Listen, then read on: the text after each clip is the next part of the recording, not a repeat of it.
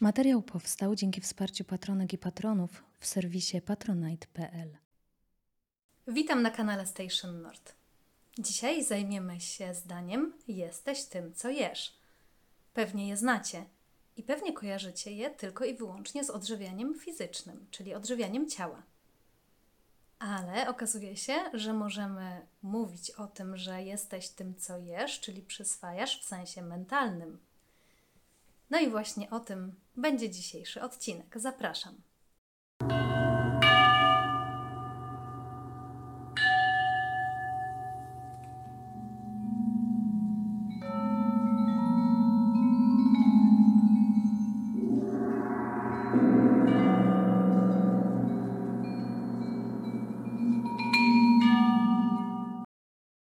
Oczywiście na sam początek powinniśmy zdać sobie sprawę z tego, że umysł wpływa na ciało i ciało wpływa na umysł. Czyli w zależności od tego, co tak naprawdę przyswajamy, co spożywamy w sensie pokarmu, takiego zwykłego jedzenia, oczywiście może wpływać na to, jak się czujemy, co przeżywamy, co się dzieje w naszym świecie mentalnym.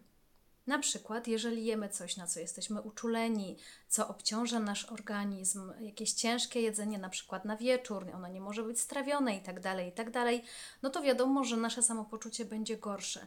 Być może w międzyczasie będą się rozwijać jakieś choroby i tak no i to oczywiście będzie wpływało na to, jak my się czujemy i co się dzieje w naszej sferze emocjonalnej, poznawczej, co się dzieje w naszym umyśle. I to jest taka wiedza podstawowa. Ale oprócz tego możemy się zastanowić, czym żywimy się w sensie mentalnym, czyli czym odżywiamy nasz umysł, co jest potrzebne naszemu umysłowi, żeby funkcjonował w sposób prawidłowy, oraz czym go żywimy, na przykład z przyzwyczajenia, co niekoniecznie jest dla niego właściwe i zdrowe. Pierwsza kwestia dotyczy tego, że żywimy się w dużej mierze bodźcami. Bodźcami może być w zasadzie wszystko. Może być, mogą być doznania płynące e, z poszczególnych organów ciała, wzrok, słuch, węch i tak dalej. Mogą to być nasze myśli, mogą to być nasze jakieś tam fantazje na temat e, danego, danej sytuacji, nasze wspomnienia i tak dalej, i tak dalej. Czyli wszystko, co pojawia się w naszym umyśle i czym umysł się zajmuje, możemy potraktować jako bodziec. Ale Skupmy się na chwilę tylko i wyłącznie na bodźcach płynących z ciała, które przetwarzane są przez umysł.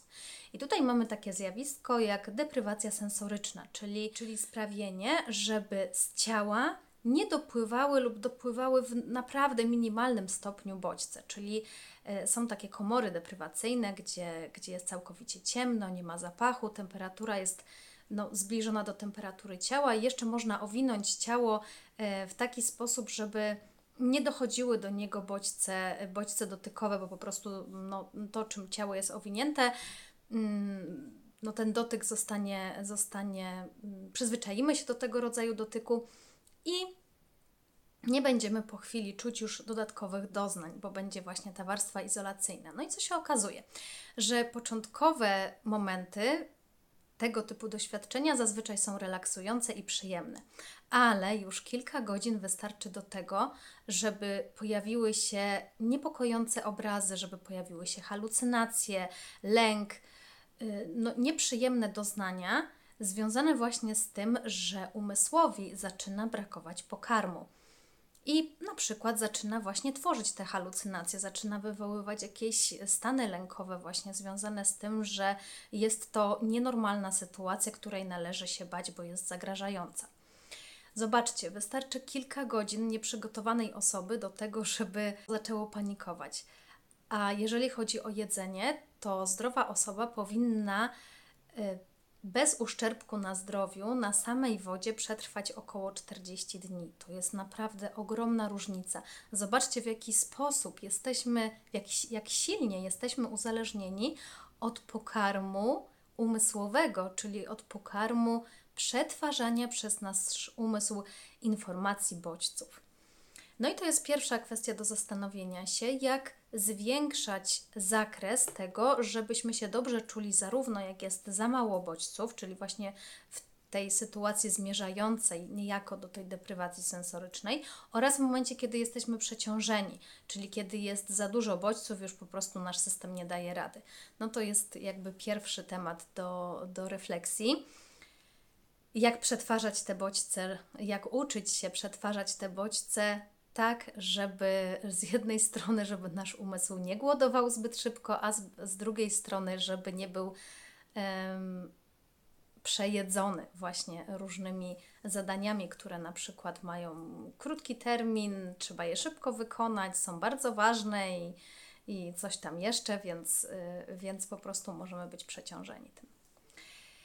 Inna kwestia dotyczy tego, czym zajmujemy nasz umysł na przykład w czasie wolnym albo no, w ramach pracy. Też tak może być, że wykonujemy pracę, która wiąże się z tym, że, nastawi- że wystawiamy się na przykład na oglądanie treści, których nie chcielibyśmy, bo na przykład, nie wiem, cenzurujemy jakieś komentarze, cenzurujemy jakieś treści w internecie, gdzie jest dużo przekleństw, dużo nienawiści i, i tak dalej, i jest to ogólnie takie nieprzyjemne, więc nasz umysł, no, chcąc, nie chcąc, styka się z tymi treściami. Ale mm, i na przykład no, kwestia refleksji, czy na pewno taki sposób zarobkowania na życie jest dla nas optymalny. Ale też właśnie co robimy w czasie wolnym. I tutaj nie chodzi tylko o zewnętrzną czynność, czy na przykład oglądamy telewizję, jakiś serial, czy czytamy książkę, czy nie wiem, coś tam innego robimy, uprawiamy sport, tylko jak to robimy i jakie treści faktycznie są przyswajane przez nasz umysł. Czyli na przykład, czy czytamy książkę, która w jakiś sposób nas inspiruje do rozwoju, motywuje nas do zmiany, y, stawia nam jakąś sytuację w innym świetle, pokazuje nam, że y, ludzie myślą na różne sposoby, że są różne sposoby rozwiązania jakiegoś zagadnienia, czyli coś, co w miarę ma jakąś szansę na to, że wesprze nas w rozwoju.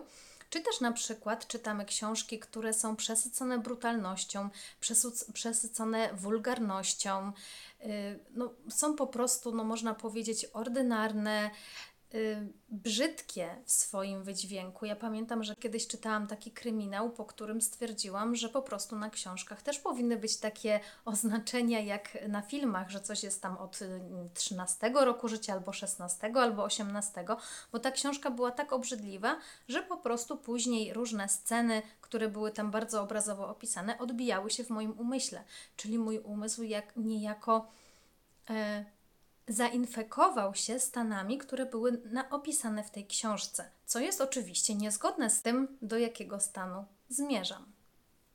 Więc zwracajmy uwagę na to, nie tylko na to, jaką czynność wykonujemy na przykład w czasie wolnym, tylko jakie treści faktycznie są spożywane i jak to wpływa na nasze funkcjonowanie poza tym czasem, kiedy na przykład czytaliśmy książkę. No bo jeżeli czytamy książkę, która jest przepełniona e, agresją i nienawiścią, to to, to jak będziemy chcieli budować szczęśliwy związek, który jest przepełniony miłością, skoro do naszego umysłu niejako przykleiło się to, co przeczytaliśmy. Jeżeli odżywiliśmy się tym, to to staje się, można powiedzieć w cudzysłowie, substancją budującą nasze myśli. Jeżeli ktoś na przykład zapełnia swój czas myśleniem o życiu e, postaci z jakiegoś serialu, co tam się u nich wydarzyło i tak dalej, to jak znajdzie czas na to, żeby myśleć o swoim życiu, o sensie swojego życia, nad refleksją nad samym sobą i sensownością swojego życia. Jeżeli ktoś żywi się samozadowoleniem z tego, że był szczodry, to w jaki sposób będzie rozwijać bezinteresowność. I tak dalej, i tak dalej. Oczywiście tych przykładów można, można mnożyć. Oczywiście. Warto też pamiętać o tym, że tak samo jak w przypadku ciała, które mogliśmy przyzwyczaić do tego, że żywi się w nieprawidłowy sposób, że na przykład potrzebuje zbyt, zbyt dużą ilość cukru albo zbyt dużą ilość jakichś innych substancji, y, wręcz uzależniliśmy nasze ciało od dostarczania mu nieprawidłowego pożywienia i później bardzo trudno jest zmienić dietę. Podobnie może być właśnie przy odżywianiu umysłu. Jeżeli mamy y, jeżeli przyzwyczailiśmy nasz umysł do tego, że on spożywa pewne treści, to prawdopodobnie coś w nas już lubi spożywać te treści, więc zmiana tego no, może być wymagająca. Natomiast jeżeli poważnie traktujemy nasz rozwój, no to po prostu powinniśmy zwracać uwagę, czym nasycamy nasz umysł, czym, co spożywamy. I jeżeli mamy podejrzenie, że nie są to najzdrowsze rzeczy, i one nie prowadzą do zdrowia umysłowego w sensie świadomości, a nie w sensie e, psychologicznym czy psychiatrycznym, no to powinniśmy zmienić tę dietę. I w celach weryfikacyjnych zadam kilka pytań, na które zachęcam, żeby sobie odpowiedzieć. Jakie wrażenia w umyśle, obrazy, myśli, pragnienia pozostawiła ostatnia czytana przez Ciebie książka lub oglądany film, serial? Czy te wrażenia kierowały w stronę spokoju, czy raczej niepokoju? Czy chciałbyś, chciałabyś, aby te wrażenia trwały dłużej? Czy chciałbyś, chciałabyś, aby podobne wrażenia pojawiły się w momencie śmierci? Jakie wrażenia w umyśle pozostawiła ostatnio prowadzona rozmowa?